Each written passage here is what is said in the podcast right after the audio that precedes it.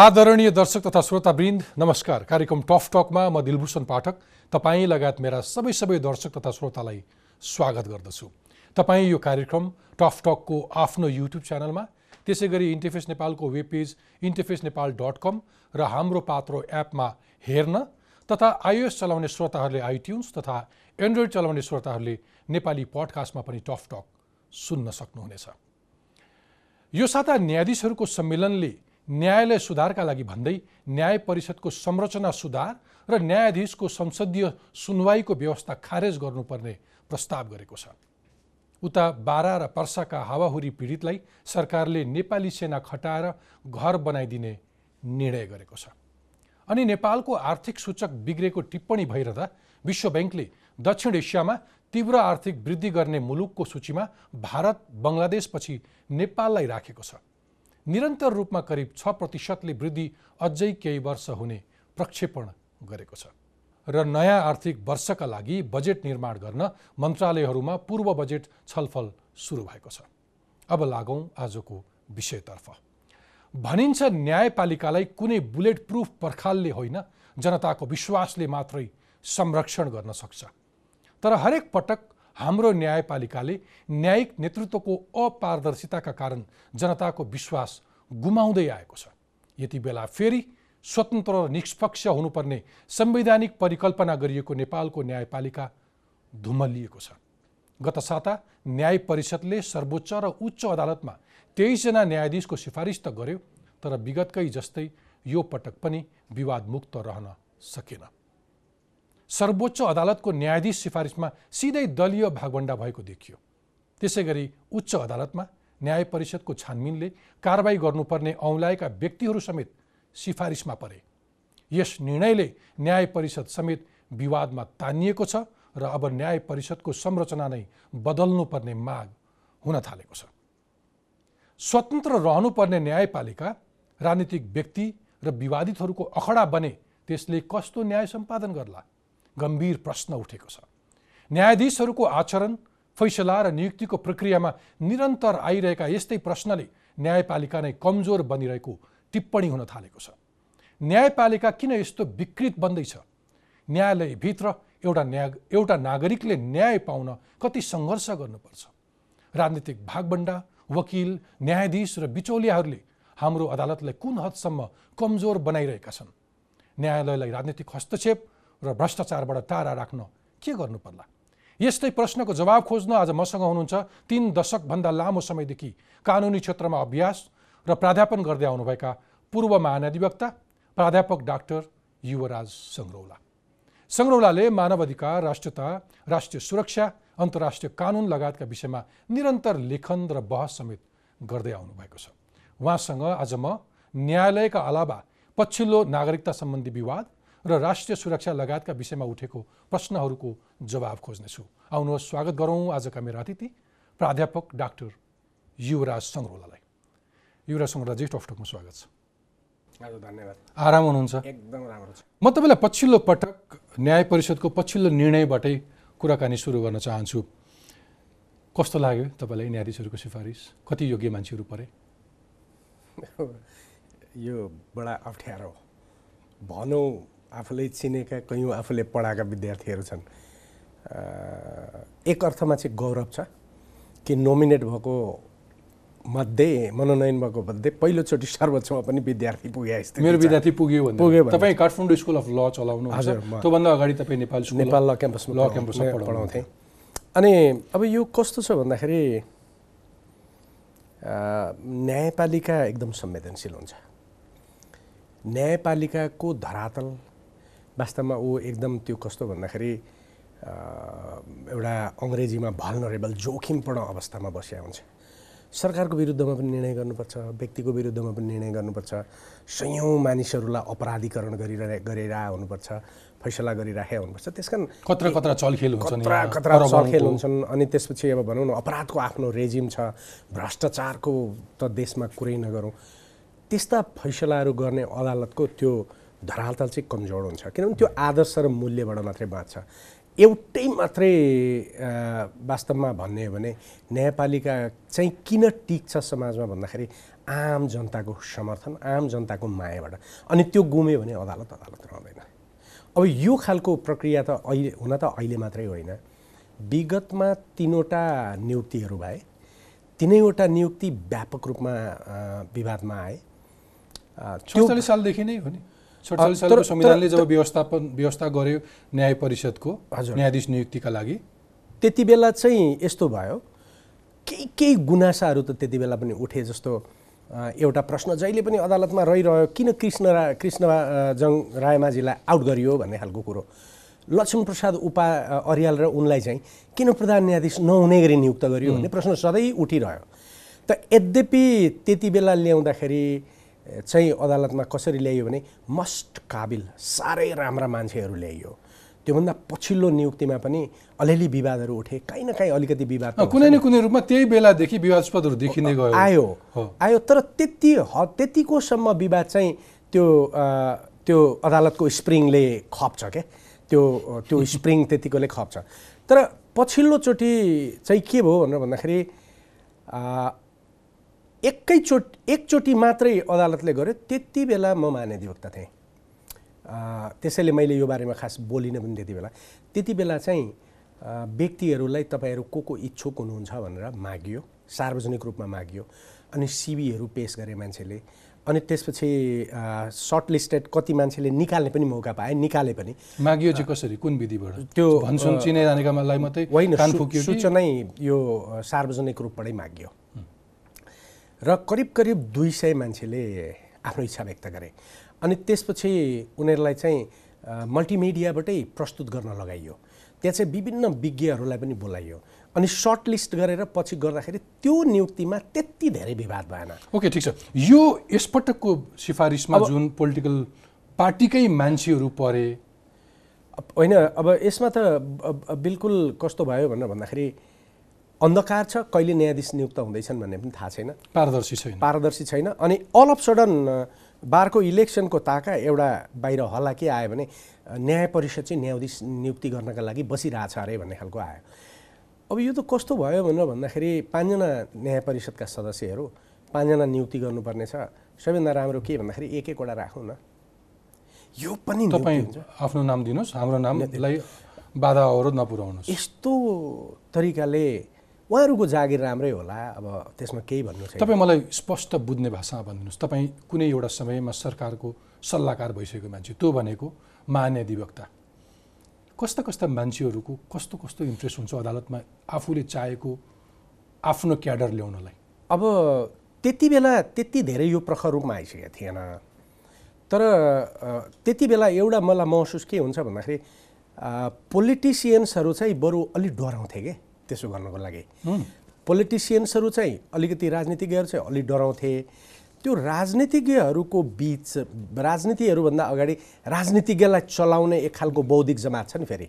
त्यो के बौद्धिक पनि भन्ने एउटा जमात छ भनौँ। बिचौलिया भन्न मिल्छ। बिचौलिया त त्यसलाई भन्न मिल्दैन। त्यो त्यो त्यो चाहिँ कस्तो भन्दाखेरि आफ्नो मान्छे त्यहाँ लग्यो भने काहीँ न काहीँ आफ्नो न्याय जुडि जुडिसियरीभित्र आफ्नो प्रभुत्व हुन्छ तपाईँ यो भन्दै हुन्छ कि राजनीतिज्ञहरू कसैले चलाउँछ? यस्तो ठुलो नियुक्तिमा? अब यसमा तिनलाई खेलाउने अरू कोही छ। सिधा सिधा भन्नुहोस्। हुन्छ। छ। अब यो को को हो त इतिहासमा हामीले पनि खोज्नुपर्छ अब पनि खोज्नुपर्छ। तर एउटा कुरा तपाईँ मान्नुहोस् कि लामो समयदेखि यो मान्छे यो मान्छे यो मान्छे यो मान्छे भनेर लबिङ गरेर हिँड्ने मान्छे चाहिँ हुन्छ। त्यसो नेपाली हुन्छन् अथवा विदेशी? नेपाली हुन्छन्। नेपाली हुन्छ नेपाली। अनि देशकै लागि काम गर्ने विदेशी पनि हुन्छन् केही केही यो कुरामा भन्न लजाउनु पर्ने कुरै छैन। सर्टेन मान्छेको लागि चाहिँ विदेशीहरूले पनि भन्छन् यो कुरो स्पष्ट हो। तर म तपाईँलाई आफ्नै एउटा उदा उदाहरण दिन्छु। एक दिन मेरो अफिसमा एकजना ठेकेदार आयो। निकै ठुलो ठेकेदार। अनि उसले के भन्यो भन्दाखेरि कानुन मन्त्रीसँग मेरो एकदम राम्रो छ। सरले जसरी पनि जानु पर्यो। म तपाईँको सिफारिस गर्न चाहन्छु। तपाईँलाई न्यायाधीशको सिफारिस गर्छ अनि तपाईँ तपाईँ कलेजमा हुनुहुन्छ कि कलेजमा हुनुहुन्छ? क- कलेजमा थिएँ। म यो महान्याधिवक्ता रिटायर भइसकेको कुरा हो। भइसकेपछिको कुरा हो। अनि मलाई त अचम्म लाग्यो। अनि मैले उसलाई टाइम दिएँ। म एकदम लिमिटेड मुद्दाहरू मात्रै हेर्छु। सरकारको विरुद्धको मुद्दा हेर्दैन म यति बेला। महाधिवक्ता भएर आएपछि। अनि एउटा सानो प्रब्लम छ भने हुनाले अब साथी चिने अलिअलि चिने मान्छे।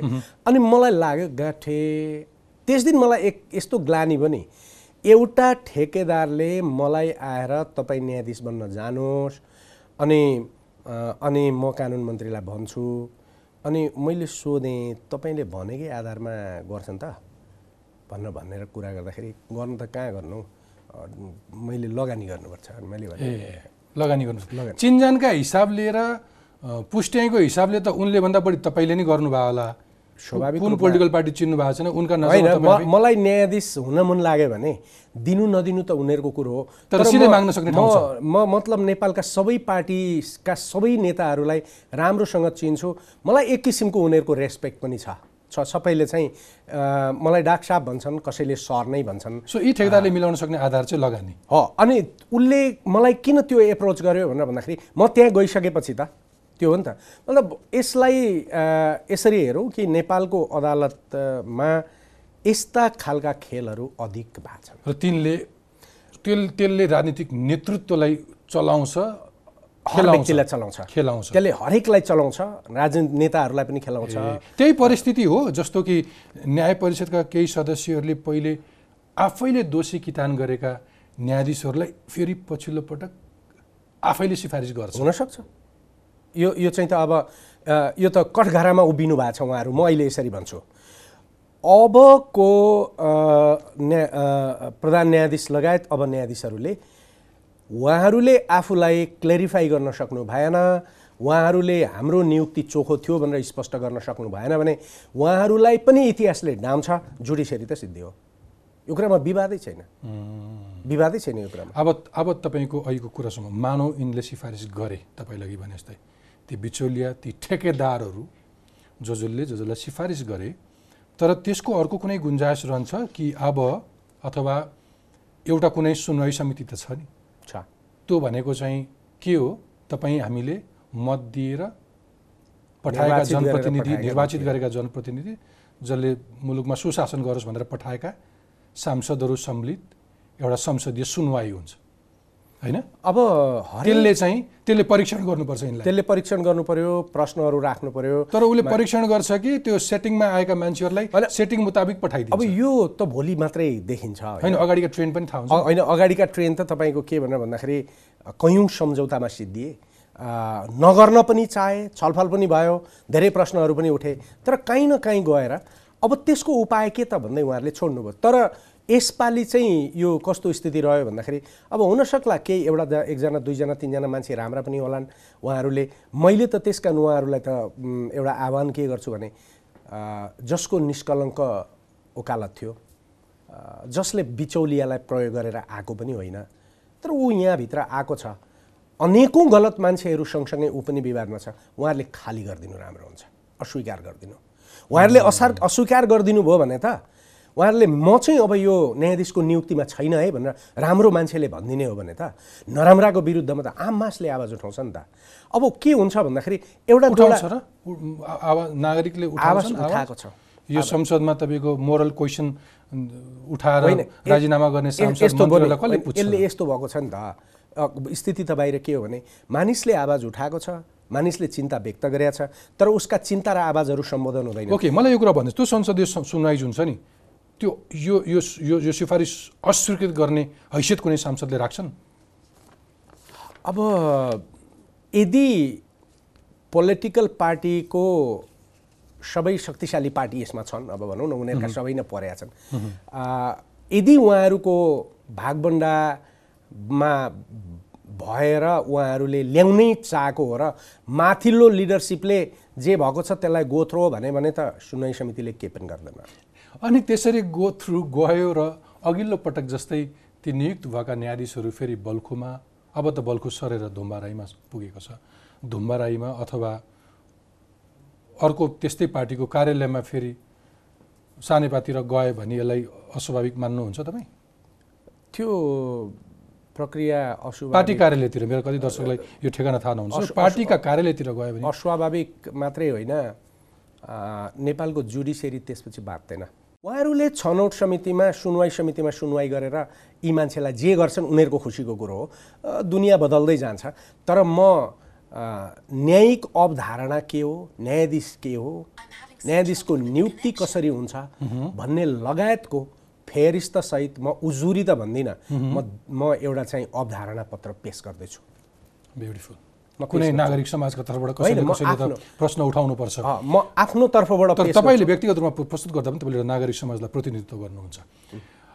तपाईँलाई त्यसो भए एउटा कुरा सोध्यौँ। तपाईँलाई मैले एउटा प्राध्यापक लेखक कानुन व्यवसायी सबै कुरा भन्दै गर्दाखेरि पूर्व महानियुक्त भन्दै गर्दाखेरि तपाईँ राजनीतिक व्यक्ति पनि हुनुहुन्छ। राजनीतिमा चासो राख्नुहुन्छ। यो यो सबै भ्रम चाहिँ कसरी हुन्छ? जस्तो अघि सडचालिसदेखि अक्सर कुनै न कुनै रूपमा कोही न कोही विवादित हुँदै आए। र लाग्दै गरेको आरोप दलीय भागभण्डा न्यायाधीशको सिफारिस दलीय भागभण्डामै हुन्छ भने त्यो दलीय भागभण्डामा हामीले सेयर गरेर चाहिँ बनाउने हो भन्ने भ्रम अथवा त्यो आत्मविश्वास अथवा त्यो दुस्साहस आउँछ कसरी पोलिटिसियन्सलाई? तिनवटा कारण बुझेछु मैले। एउटा कारण त नेपालको एकदम आदर्श राजनीति गर्ने मान्छेहरूलाई पनि एक्सेप्सन टु विश्वेश्वर प्रसाद कोइराला। आत्मवृत्तान्त पढ्नुहोस् विश्वेश्वर प्रसाद। कोइरालाको। त्यहाँ चाहिँ उनलाई बयान गराउँदाखेरि रिस त उठ्या थियो जवाब दिउँ जस्तो त लागेको थियो तर अदालतको सम्मानको लागि मैले त्यस्तो। वचन गरिनँ भनेको छैन। धेरै हाम्रो राजनीतिज्ञहरूलाई वाट इज जुडिसियरी भन्ने कुरै क्लियर छैन। ए ए। अदालत के हो? ए त्यसको मर्म त्यसको त्यसको अवधारणा त्यसको मर्म त्यसको शालीनता, अनि अघि मैले भने नि त्यसको धरातल कति कमजोर हुन्छ योसँग पुलिस छैन यसलाई जोगाउनको लागि आफ्नो पुलिस छैन यसको आफ्नो राजस्व हुँदैन सरकारले राजस्व दिनुपर्छ। यहाँ तर्कले मात्रै काम गर्छ बलको काम हुँदैन। यो यसको जुन फङ्सन हो त्यो थाहा छैन। र यसलाई धेरै राजनीतिज्ञहरूले कसरी लिन्छन् भन्दाखेरि यो ब्युरोक्रेसीको एउटा पार्ट हो भन्ने तरिकाले लिन्छन्। एक कारण। दोस्रो कारण के हो भनेर भन्दाखेरि पोलिटिकल पार्टीभित्र स्वार्थ भएका नेताहरू पनि छन्।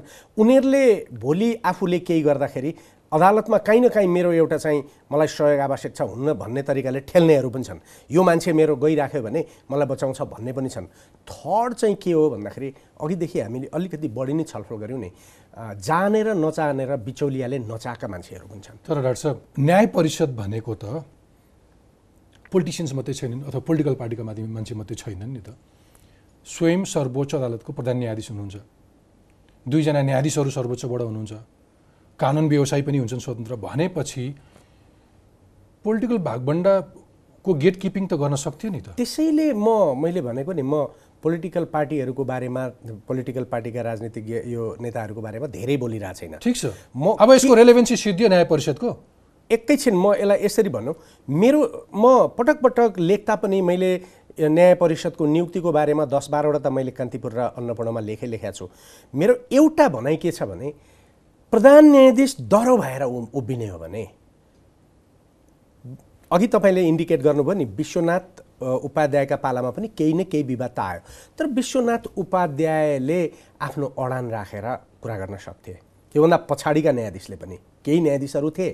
अहिले पनि हामीले त्यो इतिहास इतिहास हामीले मान्नुपर्छ। केदारनाथ उपाध्याय जस्ता मान्छे पनि थिए। सुशीला कार्कीजीको नमिठो बहिर्गमन त्यहाँभन्दा पछाडिपट्टि त के के भयो भयो। तर यदि यदि चिफ जस्टिस दरोसँग उभियो भने म यो भन्छु यदि त्यसरी उभिँदाखेरि राजनीतिले उसलाई ठेल्न खोज्यो राजनीतिले उसलाई भत्काउन खोज्यो भने त आखिरी सुशीला कार्कीकै कुरामा पनि त हजारौँ मान्छे त बोले नि त। बोले नि त। त्यही कारण सुशीला कार्की त भने नि त त्यति बेला। उसको उसको तर्फबाट मान्छेले तर अब फेरि अब। फेरि कोही उभिएर बोल्नलाई त फेरि मेरो सुशीला कार्कीको जस्तै बहिर्गमन होला भनेर आँट नगर्ने नबोल्ने पनि यो हुन सक्छ यो हेर्नुहोस् यसलाई कसरी हेरौँ भने उन्नाइस सय छैसठी वा सतसट्ठीमा मलेसियामा यस्तै भयो। मलेसियाको एउटा प्रधा एउटा प्रधान न्यायाधीशले यसै गरी एउटा लेबरको इस्युमा राख्यो। उसलाई यही गरे उसले उसलाई निकाले। अर्कोले पनि त्यही गर्यो।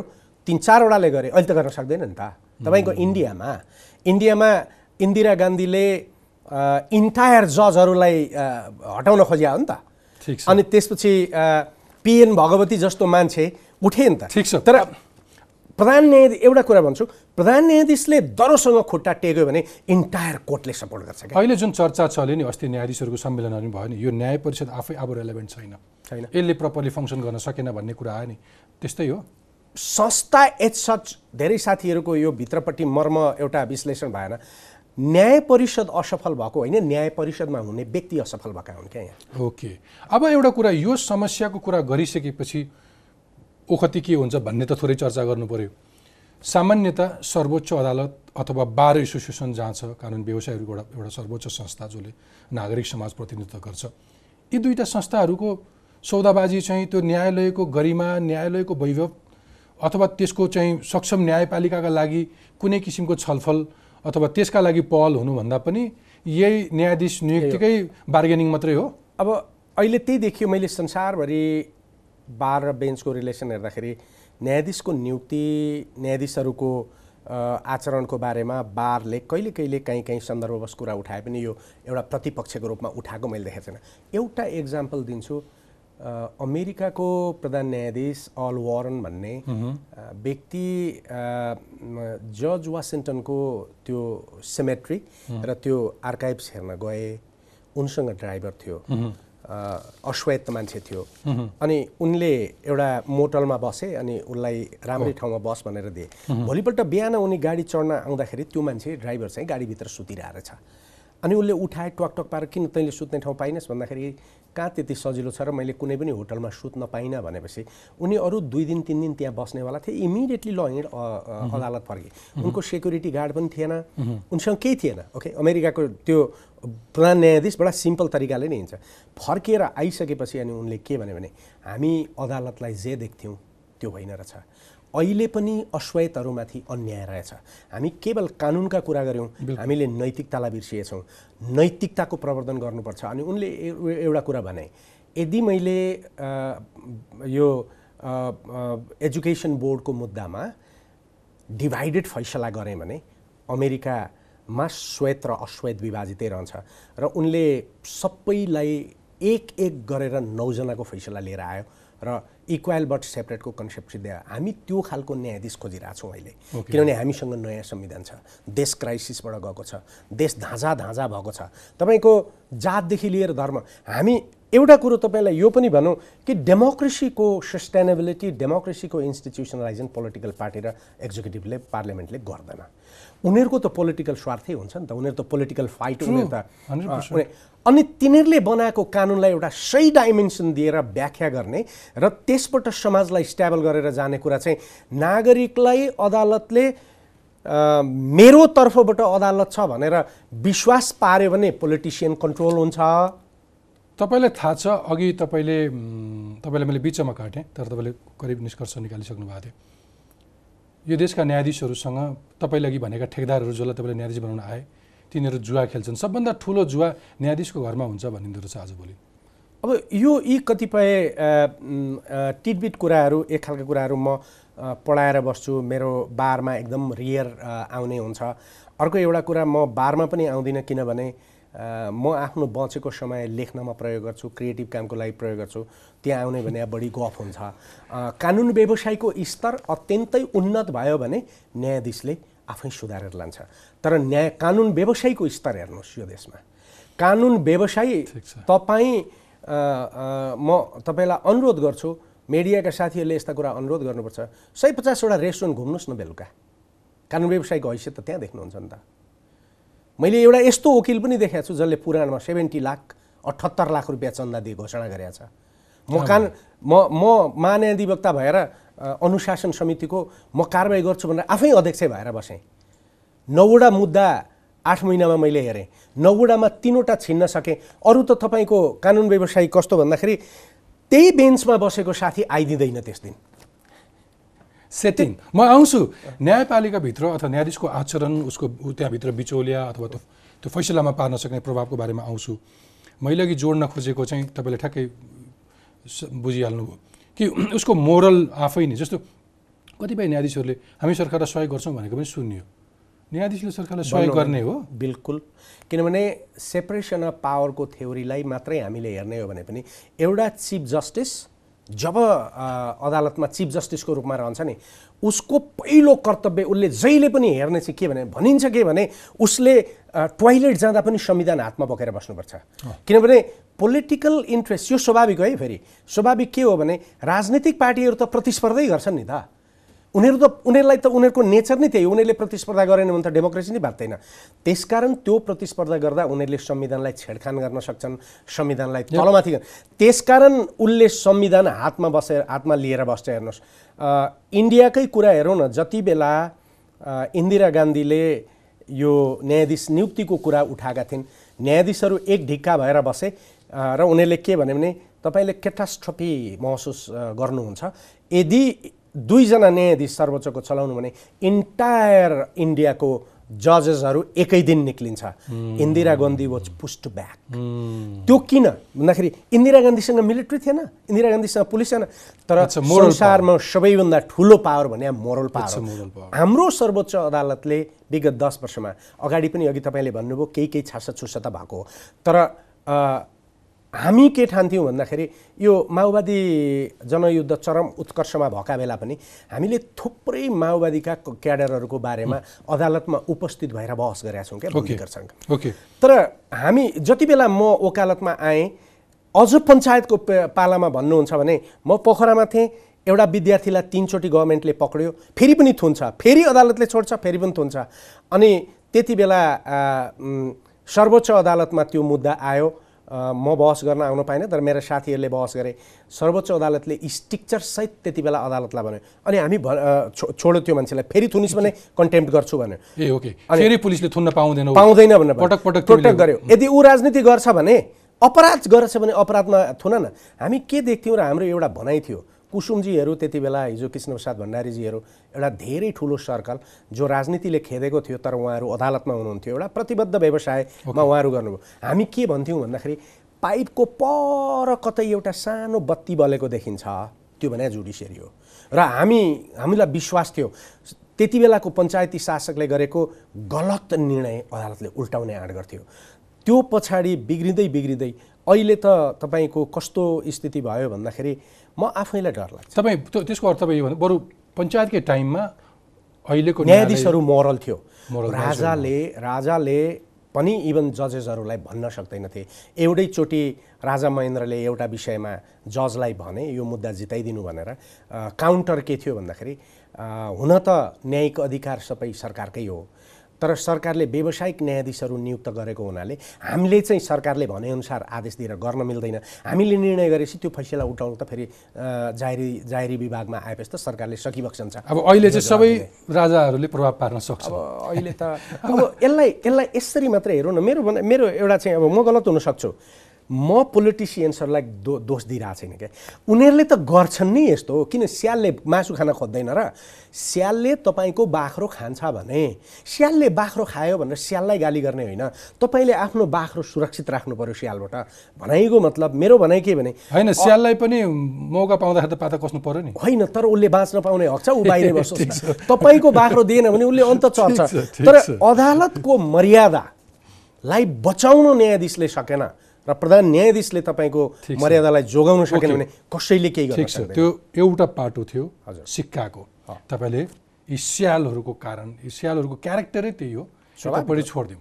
अब यतापट्टि चाहिँ यिनलाई के भन्ने अब? यतापट्टि न्यायालयभित्रका मान्छेहरूलाई चाहिँ के भन्ने? अब जो जो- जो जहाँ जहाँ चाहिँ कसैले ल्याएको धनकै आधारमा निर्णय गर्छन् आज एउटा निर्णय गर्छन् भोलि धनको आधारमा अर्को निर्णय गर्छन्। त्योभन्दा ठुलो धन भेटे पनि त्यही मुद्दा आफै उल्टाउँछन्। छ त्यस्तो घटना? अब धेरै मान्छेले मसँग दृष्टान्त छ धेरै मान्छेले भन्छन् यो कस्तो रहेछ भन्दाखेरि अदालतभित्र व्यापक ओकालत गर्दै अनि यस्तो व्यवसाय नगर्दा पनि मान्छे चिनिँदो रहेन रहेछ क्या। मलाई त पत्यार लाग्दैन। बिचौलियाहरूको सेटिङ म त मलाई हेरेर होइन म त मलाई हेरेर नै भन्छु। म मलाई अदालतमा भलै मैले पढाएका विद्यार्थीहरू सहस्र छन् अहिले। म बेन्चमा जाँदाखेरि एक किसिमको रेस्पेक्ट पनि हुन्छ। तर म रेस्पेक्टफुल्ली जजेसहरूलाई ट्रिट गर्छु र म जति बेला अदालतमा पस्छु नि यो अहिले पनि अदालतको बेन्चमा उभिँदाखेरि संसारको सबैभन्दा सुरक्षित ठाउँमा उभिए जस्तो लाग्छ मलाई। ठिक छ। मलाई यथार्थ भन्नुहोस्। तपाईँको अनुभूति एउटा पार्टमा हो। तर तर तपाईँले भन्नुभएको कुरा त घुस खान्छन्। घुस खान्छन्। खान्छन्। न्यायाधीशहरूले घुस खान्छन्। तर अर्को पाटो पनि छ। मलाई लाग्छ साठी प्रतिशत जजहरू। खान्छन्। खाँदैनन्। ए साठी प्रतिशत जजहरू तपाईँले यो देशभित्रको चालिस प्रतिशतले मात्रै खान्छन् तिनले दुर्गन्धित बनाए न्यायालयलाई साठी प्रतिशत जजहरू त तपाईँले इन्डिभिजुअली यो जुडिसियरीभित्र हेर्नुभयो भने संसारकै लेभल जजेसहरूमा छन्। तर उनीहरू पछाडि बसेका छन् उनीहरू बोल्दैनन्। उनीहरूको मुद्दा अब यो चान्सले भनौँ न जहाँ बिचौलियाहरूले खेलफ खेलोफड्को गरेका छैन ती मुद्दाहरू त्यहाँ जान्छन् त्यहाँ इन्साफ पनि हुन्छ। त्यसैले तपाईँको इन्साफ हुने र नहुने त यो खुवाउनेहरू बिचकै प्रतिस्पर्धाको कुरा हो नि। त्यसैले यसरी पनि म म म नभन्दाखेरि ठिकै हुन्छ मलाई लाग्छ भन्दाखेरि सयौँ यस्ता जजहरू छन् वास्तवमा मलाई आदर लाग्छ उनीहरू। ठिक छ। त्यो राम्रो पक्ष। त्यो आश त गर्नु पऱ्यो नि त्यो न्यायालयमा। तर एउटै कमजोरी उहाँहरूको के छ भन्दाखेरि उहाँहरू बगावत गर्नुहुन्न। म तपाईँलाई एउटा कहानी सुनाउँछु। छोटो। एकदम। छोटो एकदम छोटो। म महाधिवक्ता हुँदा एउटा ठाउँमा सम्मेलन थियो र म गएँ। भोलिपल्ट बिहान एकजना साथीले के भन्यो भन्दाखेरि दुईजनाले मैले त यो किताबमै लेखेको छु निसङ्गोच अभिव्यक्तिमा पनि लेखेको छु। दुईजनाले मिलाउनु भएको रहेछ मुद्दा छिन्न सक्नु भएन छ। अनि त्यसपछि त्यो क्लाइन्टले चाहिँ उहाँहरूलाई हप्काइ दप्काइ गरेर एउटा पैसा? लगेर अनि त्यसपछि चाहिँ पैसा फिर्ता लगेछ भन्ने कुरो आयो। यो छ। तर यो मान्छे तिनको सामाजिक प्रतिष्ठा कस्ता कस्ता खालका न्यायाधीश थिए। यो खाने नै हो भनेर बदनामै थियो तपाईँहरूको सर्कलमा कि त्यस्तो पहिला धेरै चिनिएको चाहिँ होइन तर दुवैजना वकिल वकिलबाट गएका थिए। अब दुवैजना वकिलबाट गएको थिए। यो यो यो दुर्गन्ध अर्को अर्को अर्को अर्को एउटा उदाहरण पनि तपाईँलाई भनिदिउँ न।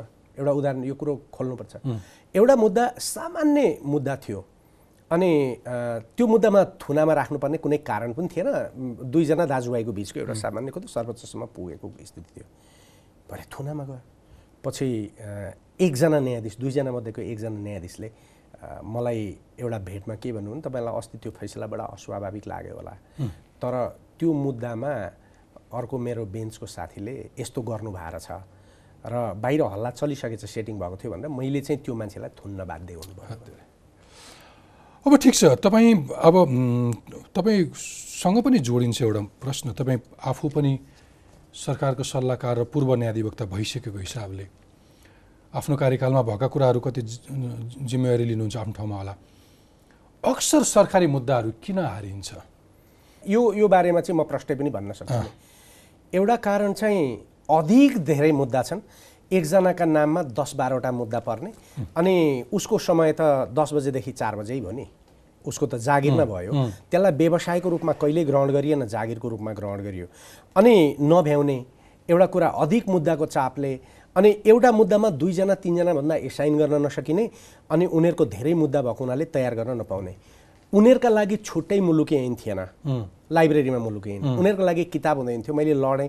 अलिकति किताब किता कोठा कोठामा दराज राखेर मैले किताबहरू सप्लाई गरेँ त्यति बेला। एउटा यो कारण।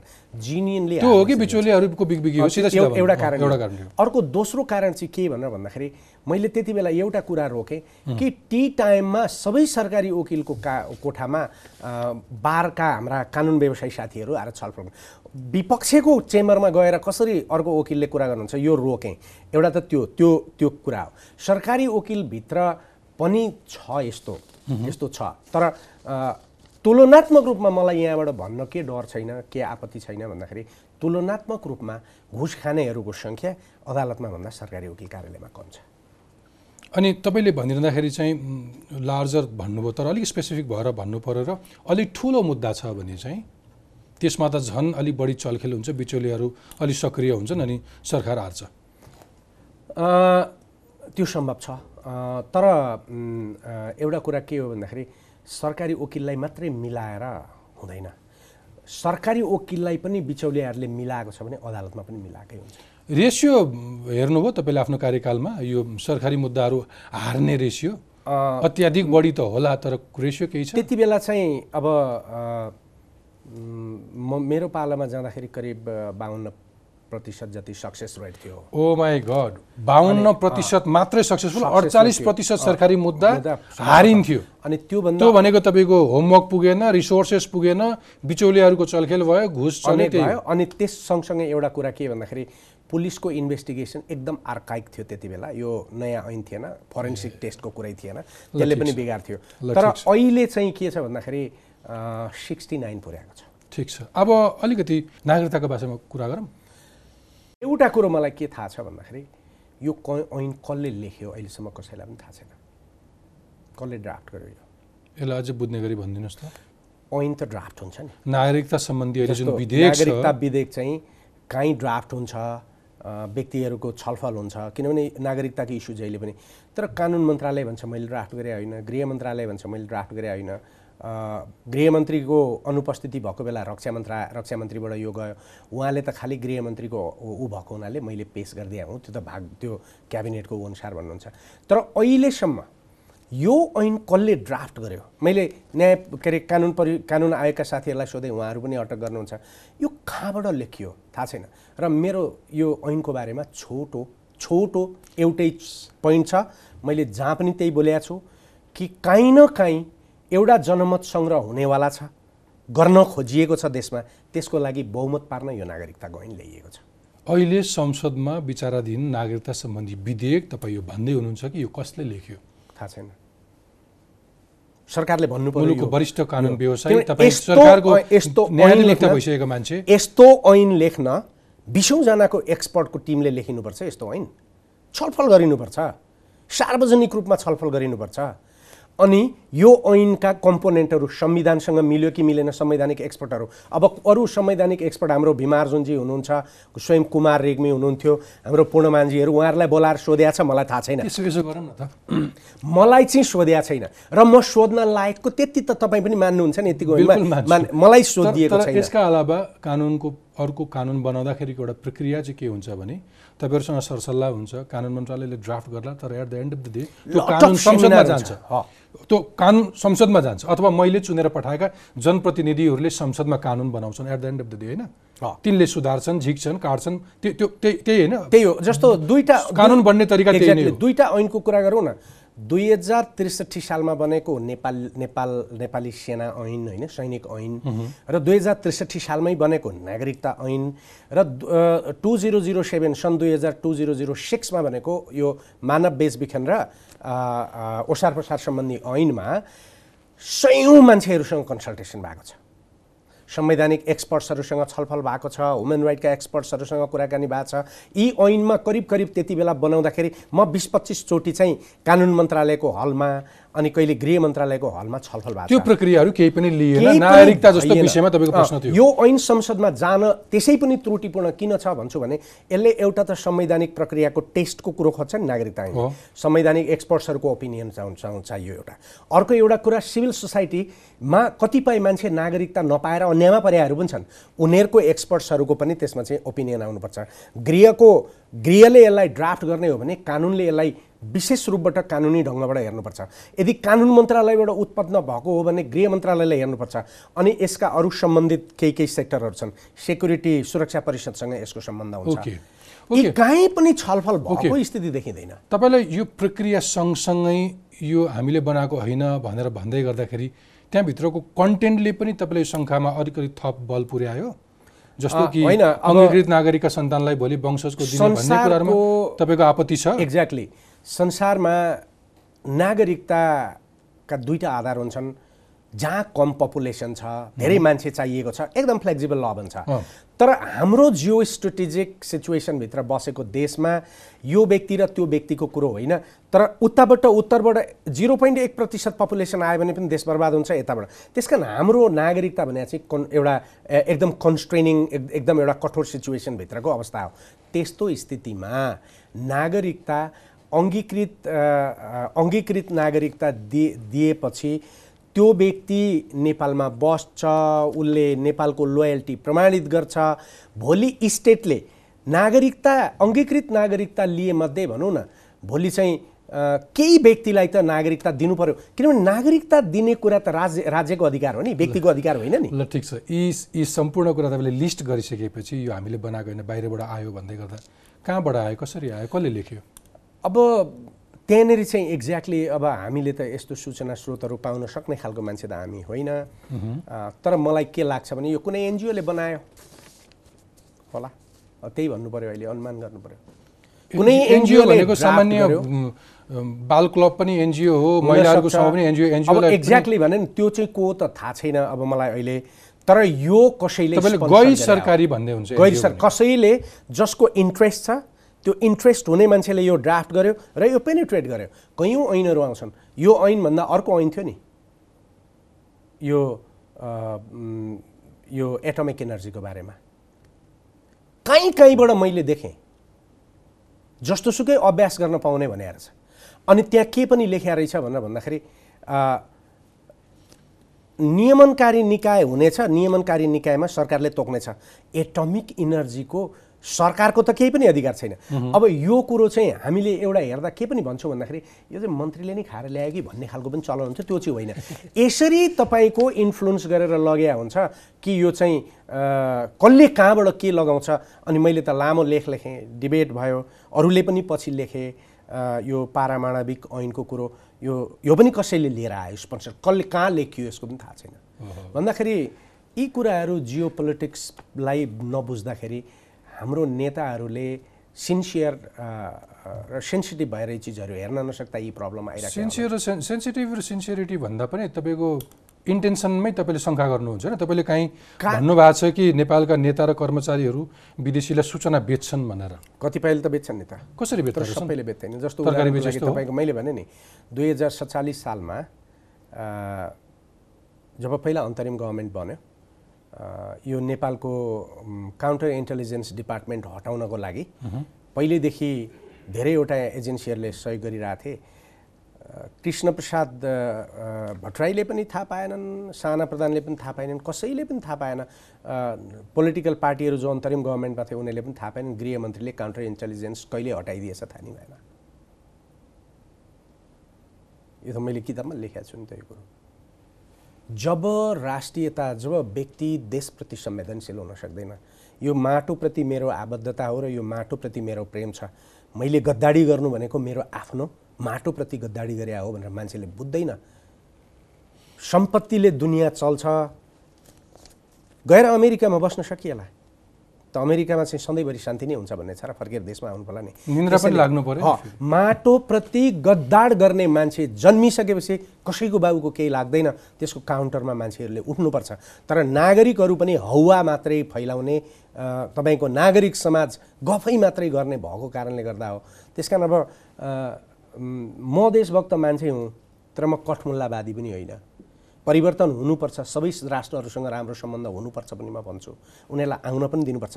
तर हामीले हाम्रो खल्ती ठिक छ। अर्को तपाईँ अलिकति सुरक्षाको विषयमा बढी चासो राख्नुहुन्छ। सुशासन आदि इत्यादि कुराहरू।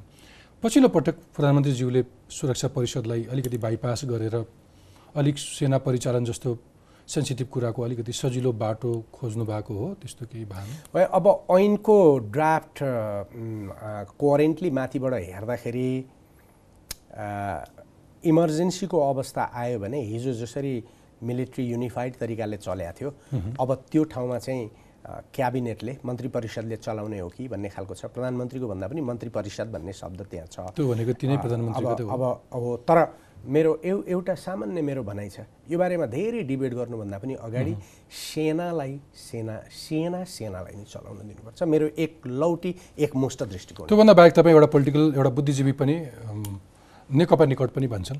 म होइन। अनि- म एउटा बुद्धिजीवी हुँ भोट हालौँला ठिक छ। तर म सबै। पोलिटिकल पार्टीलाई गलत हुँदा क्रिटिसाइज गर्ने मान्छे हुँ। त्यसो भए भनिदिनुहोस् अहिलेको सरकारको कार्यशैलीलाई कसरी हेर्नु भएको छ? गएको चौध महिना प्रधानमन्त्री स्पष्ट रूपमा सक्रिय हुन खोजेको देख्छु। बोलिरहेछन् हिँडिरहेछन् सबै कुरा भनेको छ स्पष्ट रूपमा जस्तो योजनाहरू यो गर्छु त्यो गर्छु आइरहेछन्। तर तर डेलिभरी भइराखेको म त्यति धेरै देखिरहेको छैन। मान्छेले त्यो भन्छन्। अब मान्छेहरूको भनाइ के छ भन्दाखेरि डेलिभरी भएन। अब अझै पनि एउटा चाहिँ के भन्दाखेरि यो बजेट आउन्जेलसम्म मैले क्रिटिसाइज पनि गरेको छुइनँ सपोर्ट पनि गरेर म त्यस्तो बोलेको छैन। बजेट यो वर्षको आइसकेपछि अनि त्यसपछि। क्रिटिसाइज गर्नुपर्छ। एउटा लेखक एउटा एकाडेमिसियन तपाईँलाई समय सिद्धियो तर पनि तपाईँको पुस्तकको बारेमा चर्चा नगरिकन कसरी ऱ्यापअप गरौँ? समय चाहिँ बिल्कुल सिद्धिया छ। तपाईँको पछिल्लो पुस्तक साउथ एसिया चाइना जियो इकोनोमिक्सको बारेमा थोरै केही भनिदिनुहुन्छ? यो कि यो किताब मैले वास्तवमा पन्ध्र सोह्र वर्षको रिसर्च हो। नेपालभित्र विभिन्न कन्ट्रीका इन्ट्रेस्टहरू कसरी क्लासेस हुन्छन् अनि कहाँबाट हामी त्यसको कसरी शिकार हुन्छौँ भन्ने बारेको यस एनालिसिस हो यो। र यसमा मैले काहीँ पनि मेरो ओपिनियन जेनेरेट त्यो गरेका छुइनँ। फ्याक्टमा मैले फ्याक्ट चाहिँ जस्तो भनौँ न यो घटना पछाडि यो भयो। त्यसलाई सबै बाह्र सय रेफरेन्स छ। मैले त्यो दिएँ र किताबले राम्रो मार्केट पायो रेस्पोन्स पायो धेरै मान्छेले पढ्यो मैले पढ्न पाएको छैन पढेपछि अर्को संवाद गरौँला। यो पटकको लागि तपाईँको समय र विचारको लागि धेरै धेरै धन्यवाद। हजुर धेरै धन- धन- धन्यवाद मलाई बोलाउनु भएकोमा।